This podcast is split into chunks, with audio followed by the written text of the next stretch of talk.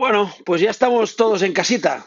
Bueno, en realidad todos no, porque ya sabemos que están también los listos, los que la cosa nunca va con ellos. Están los, los madrileños que contagian Murcia, Valencia, Andalucía o Cantabria, como si no hubiese mañana, y están los que flipan con que los madrileños contagien Murcia, Valencia, Andalucía o Cantabria, como si no hubiese mañana, pero flipan mientras están haciendo la maleta para pasar el fin de en su casita de la Sardaña. Y es que, amigos, ya sabemos que el insolidario siempre es el otro.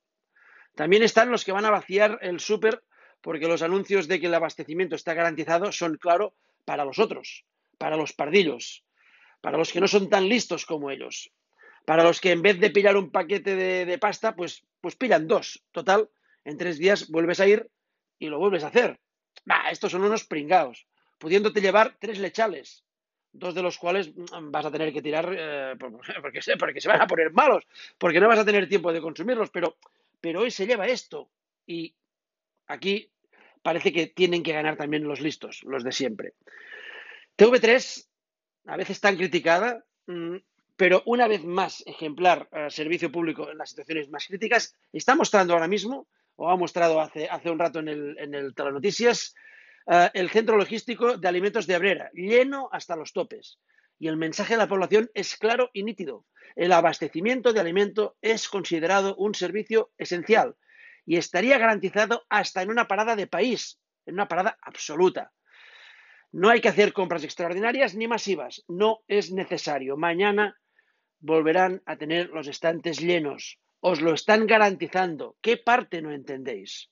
No os pedimos ya que seáis solidarios, solo que penséis un par de minutos al día. Sí, ya sé que igual estamos siendo demasiado exigentes. Parece que fue hace tres meses, pero sucedió hace apenas tres días. El Atleti asestó en Anfield el gran golpe de una Champions que a estas alturas no sabemos cómo acabará. De hecho, no sabemos si acabará. Centrándonos en lo futbolístico, qué fuerte lo del Atleti en Anfield, ¿verdad? Menuda potra, ¿eh? Y lo del Atleti ante el Barça en la Supercopa Saudí. Otra suertaca, ¿no? ¿Verdad? ¿Sí? ¿O no? A ver, salen apretando arriba, jugando en campo contrario, buscando espacios, asustando. Después del partido les echa para atrás, se repliegan bien, crecen los centrales y se agiganta o Black. Vuelven del descanso y vuelven a, a morder, pero menos, como más contenidos. Contra el Barça te alcanza para el gol de Coque, contra el Liverpool no. Y vuelta para atrás. El trío de centrales minimiza, daños para que, eh, que para otros equipos serían mortales y donde no llegan ellos llega el mejor portero del mundo. Pero no, puede, no pueden evitar que el Barça en Arabia y el Liverpool en Anfield acaben marcando por, eh, por calidad, por oportunidades, por lo que sea. Y por no hacerle un feo a tanta invitación espacial de Simeone. Eliminados en el minuto 94 de 120 en Anfield y en el minuto 80 de 90 en Arabia. Y Simeone pidiendo calma y manteniéndola él. Dos golitos ante el Barça y tres ante los de Klopp. En esas circunstancias pueden parecer suerte, pero a mí no me vais a convencer de que lo es. Se juega como se entrena, y precisamente en casa del equipo más entrenado, del equipo más trabajado de Europa, han jugado Barça y Atleti los dos partidos más comentados de las dos últimas Champions. El equipo que entrena Simeone volteó el miércoles un 2-0 ante los titulares del mejor equipo de Europa de largo este año.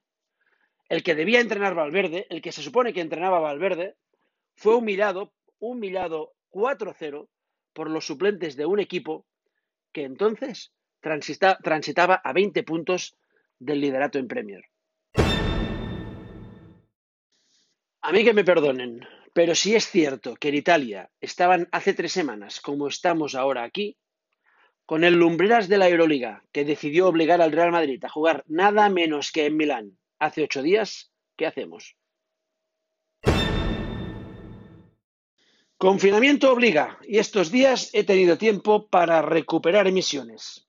Por ejemplo, el día después, del día después de que el Madrid palmase en el Villamarín y el Barça recuperase el liderato. Ese día, Carlos Martínez me sorprende hablando del Leganés de Aguirre y solo del Leganés de Aguirre en la entradita del veterano programa en Vamos. Pasé rápido de la sorpresa a la estupefacción al comprobar que no era solo la entradita, que estaba dedicando el grueso del programa a analizar los puestos de descenso.